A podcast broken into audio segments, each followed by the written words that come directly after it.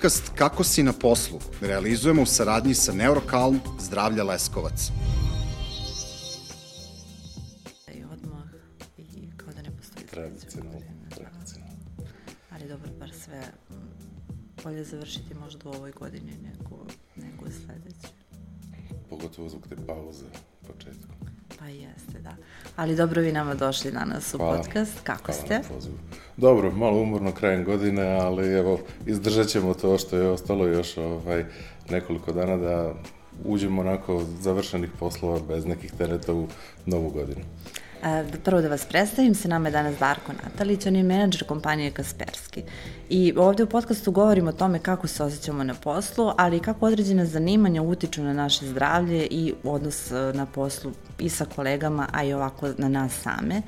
Upravo zbog toga pričamo danas o gaming industriji, to je jedna velika industrija, u Srbiji naročito je u poslednje vreme prilično popularna, radi čak 3000 ljudi u njoj u 130 kompanija i ono što je meni zanimljivo je da je trećina profesionalaca a, u toj industriji da su zapravo žene. A, Znam da kad pričam sa drugim sagovornicima, kažu mi da nije gaming samo hobi, da, da tu ima dosta, dosta toga što mi ne vidimo ovako lajici, tako ću da kažem, ali s druge strane raste potreba za tim profesionalcima. E sad, kako oni brinu o svom zdravlju, kompanija Kasperski je objavila jedno ogromno istraživanje na tom polju, pa Darko, možeš li samo za početak da mi kažeš šta, šta je zaključak te studije? Pa mi smo u jesen 2022. godine organizovali jedno obsežno istraživanje na gamerskoj populaciji u 21 zemlji širom sveta na uzorku od 10.000 gejmera. Sproveli smo istraživanje kojim smo istraživali uglavnom razloge, odnosno faktore koji utiču na njihove performanse, odnosno njihove sportske rezultate, posmatrajući gaming prvenstveno kao i sport i kao jednu, jednu novu formu ovaj, sporta. E, Šta je to što utiče na njihove performanse, kako se oni nose sa, sa stresom koje to nosi, kako izgledaju ovaj, njihove pripreme za, za turnire u kojima učestvuju ili seanse koje održavaju, kao i uh, ono što je veliko pitanje od najvećeg interesovanja za Kasperski, a to je taj cyber security aspekt mm -hmm. čitave industrije, s obzirom da je to relativno nova industrija koja ima, koliko sam uh, izračunao, dobro 51 godinu tek, ali u suštini jedna od najvećih industrija na svetu. Znači, procenjuje se da je neka vrednost ukupne gaming industrije 235 milijardi dolara, što je veće od kombinovane vrednosti filmske i muzičke industrije. To je teško zamislivo, ali ako Ogromne pogledamo cifre, prosto da. brojeve i vidimo koliko je ljudi u to uključeno i koliki je to zapravo biznis, koliko se on razvija u svim delovima sveta, postaje jasno da je to jedna velika industrija. E, mi smo radili, obuhvatili istraživanjem prvenstveno ljude koji su na različite načine uključeni u gaming. Znači, to su bili i sports profesionalci i amateri, dakle oni koji su učestvovali u poslednje dve godine u nekom velikom takmičenju ovaj, e, vezanom za e-gaming. Mm -hmm. Zatim smo e, obuhvatili i e, gejmere, odnosno one koji su hardcore gejmeri, koji provode više od 20 sati nedeljno trenirajući i igrajući igre i uh, one koji su e, takozvani ti gadget gameri, odnosno ljudi koji investiraju ve, značajne svote novca u opremu, pod pretpostavkom da je jedan deo najvažniji moment performansi, zapravo performanse njihove opreme i da je to ono što im najviše, najviše pomaže u uspehu. I konačno i influencere, što je jedna mm -hmm. opet nova kategorija koji streamuju svoje, e, svoje, svoje mečeve i tu smo obuhvatili znači i one top influencere koji rade streaminge jednom nedeljno i imaju preko 100.000 pratilaca ili one malo manje koji to rade jednom mesečno i imaju preko 1000 pratilaca mesečno. Ono što su nalaze na toj populaciji bili su donekle i zanimljivi i razlikuju se u zavisnosti od ovih kategorija, što je To sam donekle i i htjela da jasno. pitam da li, da li se razlikuju, ali prvo samo ta cifra me zanima, to je 42 odsto, koliko mi se čini da je ispitanih da je odgovorilo da brine o svom mentalnom zdravlju. Jeste, 42% njih je bilo koji su se izjasnili da aktivno rade nešto za svoje zdravlje. U suštini 76% ispitanika je o, navelo mentalno zdravlje kao jedan od osnovnih faktora za uspeh.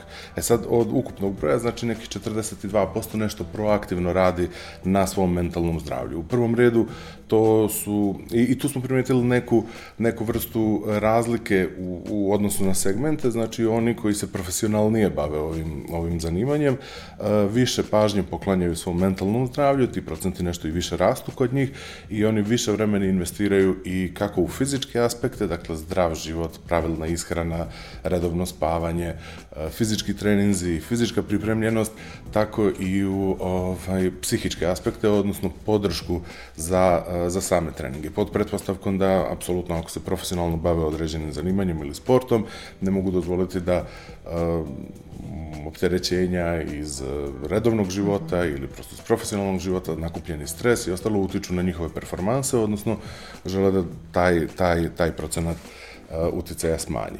Mimo toga, to nije naravno jedini faktor koji je bitan. Ono što je i očekivano, nekih 91% je navelo da su to performanse opreme koju koriste, dakle, uh, proces, o, ječina procesora računara, kvalitet internet veze i nekih 72%, dakle skoro tri četvrtine, je se izjasnilo da su to, na primjer, gadgeti, gamerski gadgeti kao što je headset, uh, mikrofon, zvučnik, monitor, pad za miša, miš, tastatura i ostala oprema. Ali Ovo je veoma značajan broj da je čak 76%, dakle više od tri četvrtine, navelo i mentalno zdravlje, odnosno taj neki stav i, i prosto mentalni aspekt kao ključan za, za njihov uspeh. A rekli ste mi malo pre da ima i podela kada je reč o samim sektorima, pa gde su tu, na primer, mi to kažemo e-sports ili gameri u tom smislu, da li oni možda, da li njima više stalo do, do svog zdravlja? Oni su u samom vrhu onih koji vode računa o svom, o svom mentalnom zdravlju i generalno e, najviše pažnje posvećuju pripremama dakle, za, za, za, za turnire i e, otklanjanju svih onih faktora koji mogu da negativno utiču na njihove performanse. E, kada govorimo o ovom procentu od 42%, to je neka srednja vrednost. Kod njih te vrednosti idu i 45%. Znači, od prilike 34% njih vodi računa o spavanju i o redovnom jel, dužini sna, odnosno odmoru.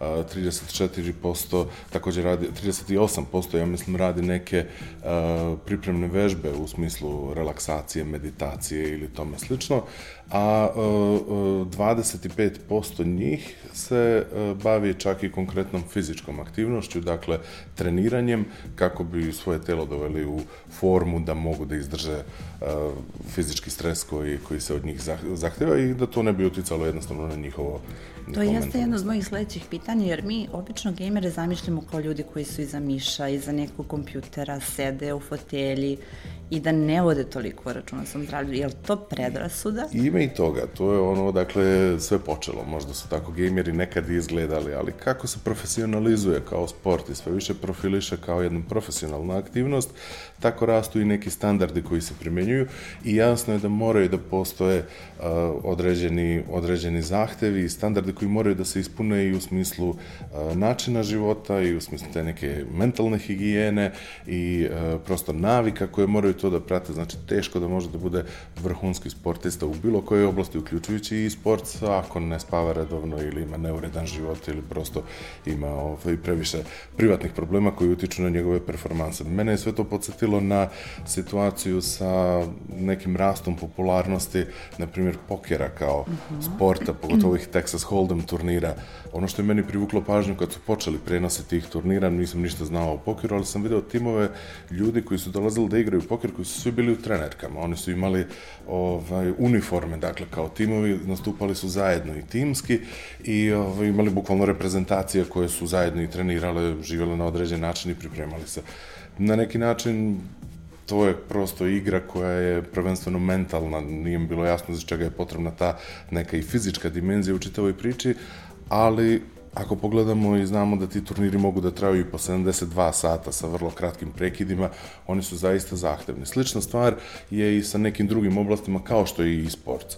Dakle, eh, da bi postalo profesionalac u toj oblasti, to zahteva i određen, određena odricanja, dakle, treninge koji se vežbe, koje se, odnosno vežbanje mm -hmm. i samih igara, značajan broj sati nedeljno, dakle to je i sedenje u jednoj poziciji, stajanje za monitorom i po 12 sati dnevno, tako da je logično da sa profesionalizacijom dolazi do neke do, do, do postavljanja nekih standarda. E sad, ono što rade pojedinci, to je prosto stvar njihovog izbora, ali već kad pričamo o timovima i organizovanim nastupima na Gamesconovima, tu već polako se postavljaju neki standardi u smislu kako fizičke podrške, tako i psihološke podrške za, za ljude koji učestvuju. Možemo li da ih poredimo sa sportistima? Meni tako kada pričate sve to, djeluje kao da se oni pripremaju zaista kao pravi profesionalni sportisti. Pa u, u suštini da, ja sam dosta i gledao te rasprave kako se uopšte tretira i sport, da li je to realno sport ili je to neka disciplina sport ili nešto što samo podsjeća na sport, ali generalno sve karakteristike jesu tu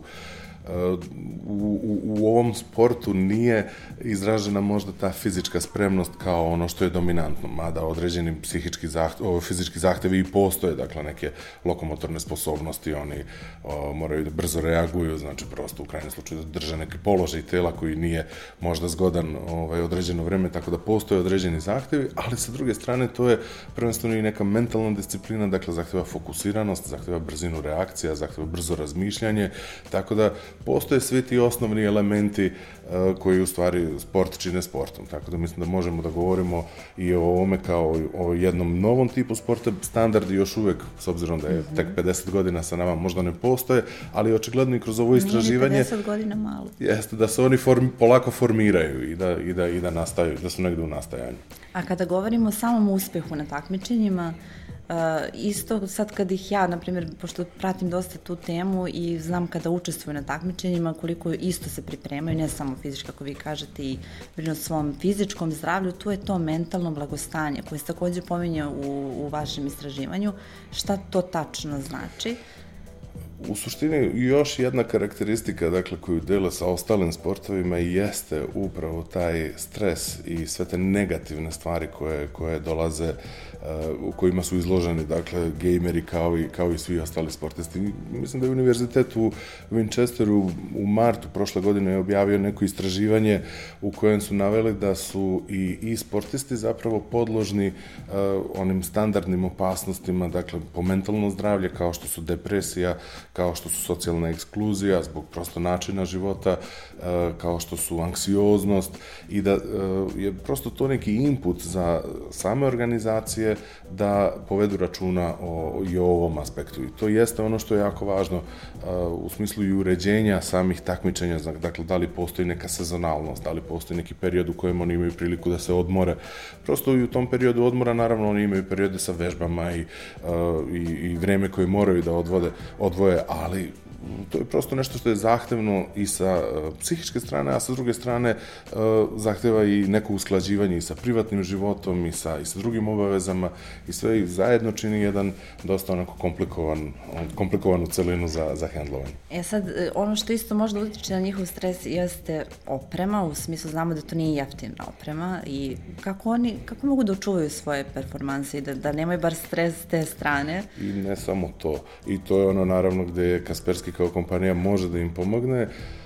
63% ispitanih gejmera smatra da njihovi akaunti nisu osigurani, dakle da postoji opasnost od preuzimanja nekih 33, dakle trećina od svih ispitanih gejmera se već susrelo sa situacijom preuzimanja akaunta.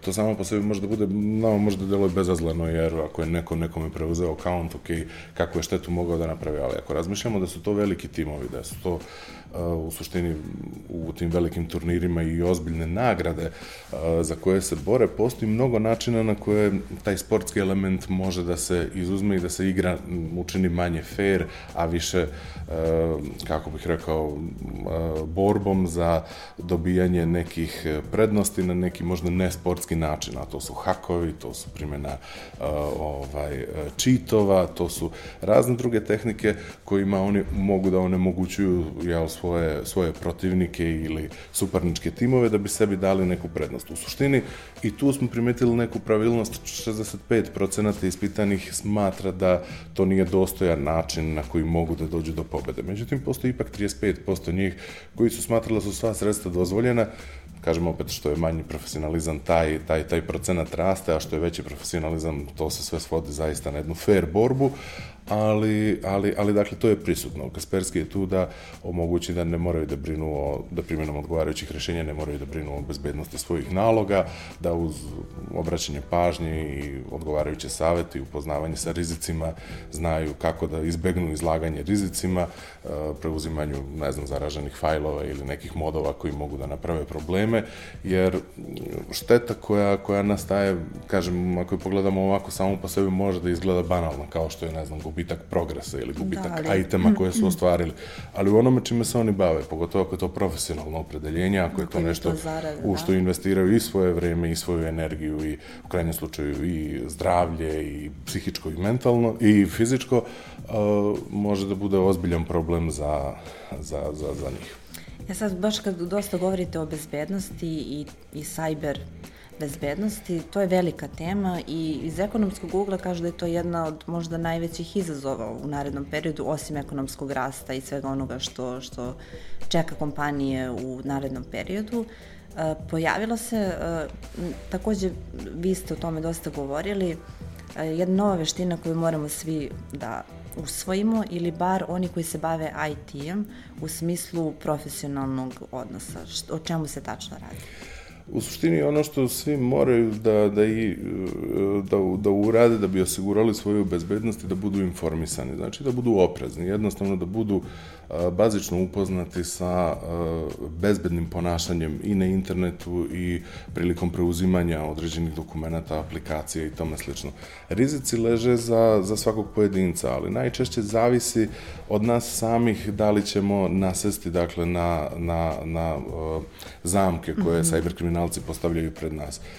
Kasperski je u prošloj godini detektovao porast uh, ukupnog broja novih pretnji, znači na dnevnom nivou za 5%. Dakle, sad dnevno detektujemo nekih 400, mislim to je podatak samo kompanije Kasperski na globalnom nivou je taj broj još veći, ali mi detektujemo 400.000 novih uzoraka malvera na dnevnom nivou. To je ogroman broj, prosto mi smo napadnuti na neki način sa svih strana i ukoliko ne vodimo dovoljno računa da proveravamo linkove, da ne otvaramo attachmente koji nisu namenjeni nama, da proverimo da li stranice na kojim unosimo lične podatke su prave, da li su to phishing stranice, možemo vrlo lako da upadnemo u probleme i možemo lako da ovaj, da imamo štetu od toga. Takođe deljenje ličnih podataka koji mogu da budu zloupotrebljeni, zatim na strani kompanije i čuvanje podataka koji su pohranjeni kod njih, dakle zadržavanje samo minimalnog broja podataka, to su sve teme koje nam mogu omogućiti da ostanemo bezbedni na internetu i da nemamo tu vrstu glavobolje od cyber kriminala. A kada govorimo o vrsti inženjeringa koju,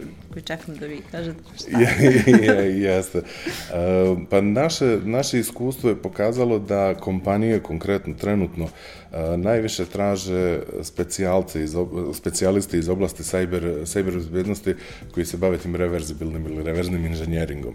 Dakle, šta to podrazumeva? To je jedna napredna veština stručnjaka iz oblasti cyber bezbednosti koji se bave, dakle, što bi prosto moglo da se kaže nekom disekcijom malvera. Dakle, oni proučavaju načine na koji je malver nastao Evolucija malvera je takva da on postaje sve složeniji svake godine i bukvalno sa svakim novim napadom imamo neke nove tehnike, e, kod koji se koristi za, za njihovo pisanje je sve složeniji, e, često i enkriptovan, dakle teško je shvatiti i kad postoji neki fajl koji se proučava, dakle šta je tačno tu e, napravilo štetu. E, ovo prosto obuka za stručnjake iz oblasti cyber bezbednosti, kako da pristupe dakle, tom, e, tom samom malveru i kako da uspeju da urade tu vrstu razgradnje malvera da bi, da bi proučavanja, dakle, da, da razumiju mehanizam koji se e, nalazi u samoj pozadini malvera, kako se on infiltrira u organizacije, znači kako je u stvari namenjen da se, da se koristi, jer su to veoma značajni inputi u, na osnovu kojih onda kompanija može da zaštiti svoju infrastrukturu i da unapredi svoju bezbednost.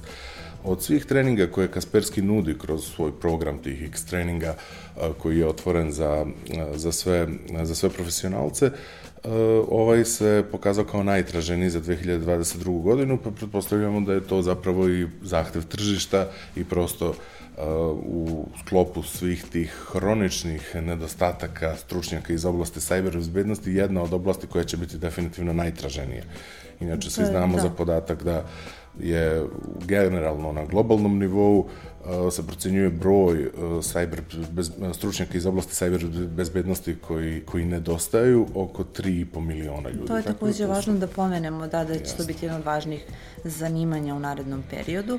A sad, uh, za kraj, ono što nas obične radnike zanima i dok smo na poslu i kod kuće, kako mi da se zaštitimo na internetu? Pa uz malo opreza ne bi trebalo da imamo previše glavobolje, tu su uvek i rešenja koja mogu da nam pomognu, dakle rešenja za zaštitu na internetu nekog proizvođača sa, sa, sa, dobrom, sa dobrom reputacijom, dakle neko efikasno sredstvo koje može da nas zaštiti, ali je oprez ono što je, što je prvi korak i ono na što treba da povedemo računa. To znači svakako proveravanje stranica koje posećujemo, na kojima ostavljamo podatke, na koje, koje koristimo za logovanje na određene servise, pogotovo i banking servise, slično Znači uvijek treba pogledati onu URL adresu, vidjeti da li je to prava adresa koju nosimo ili neka koja imitira nju i koja želi da nam preuzme podatke, ne treba klikati, kliknuti na linkove koji dolaze u samom mailu, treba proveriti attachmente, da li je to ono što zaista očekujemo, pogledati ekstenziju, naziv samog attachmenta, pa ga tek onda otvoriti. I uopšte uvesti neka, neka pravila koja vrlo jednostavno mogu da budu integrisana u svakodnevne aktivnosti, a koja će omogućiti da... A možda i u kompaniji, kako onda kompanije da se postave u tom smislu? Kompanije apsolutno moraju da razmišljaju o treninzima za zaposlene. To je jedan od osnovnih koraka koji će im omogućiti da spreče opasnosti koje dolaze od ljudskog faktora, što je najčešće jedan od glavnih uzroka e, proboja u, u sisteme kompanija. Dakle, tu neku bezbednost same infrastrukture je lakše postaviti, a veći izazov je osigurati da neko ne nasedne bilo na te napredne tehnike um, uh, ovog društvenog inženjeringa, mm -hmm. dakle, prosto napredne metode kojima uh, cyber kriminalci pokušavaju da stignu do, uh, do uh, same mreže, mreže kompanije prihvatanje svih ažuriranja, dakle za programe koji postoje, zakrpa koje se izdaju obično u realnom vremenu, skidanje autentičnih programa, znači onda uvođenje tih e, šifri koje su e, po mogućnosti dvofaktorske autentifikacije ili složenih šifri koje uključuju i one simbole koje pretpostavljam da svi kao pojedinačni korisnici ne volimo da koristimo jer nam komplikuju logovanje, ali zapravo to osigurava da naša šifra neće lako biti provaljena od strane cyber kriminalaca. Hvala mnogo na ovim savjetima, ja bih i završila završila emisiju sa ovim savjetima, jer veoma su značajni i naročito ovo vreme kada svi tu nekako bezbednost na internetu malo možda i laješki gledamo, a štete mogu biti ogromne. Hvala Darku mnogo. Hvala vama na prilici. Vi nas gledajte i sledeće nedelje, čitajte na Business Telegrafu, gledajte na YouTube, Spotify, Apple i Google platformama. Zdravo. Ove, I da, pomenuli smo to za za kompanije i stvarno ste rekli sve savete koje mogu da stvarno ljudi koriste.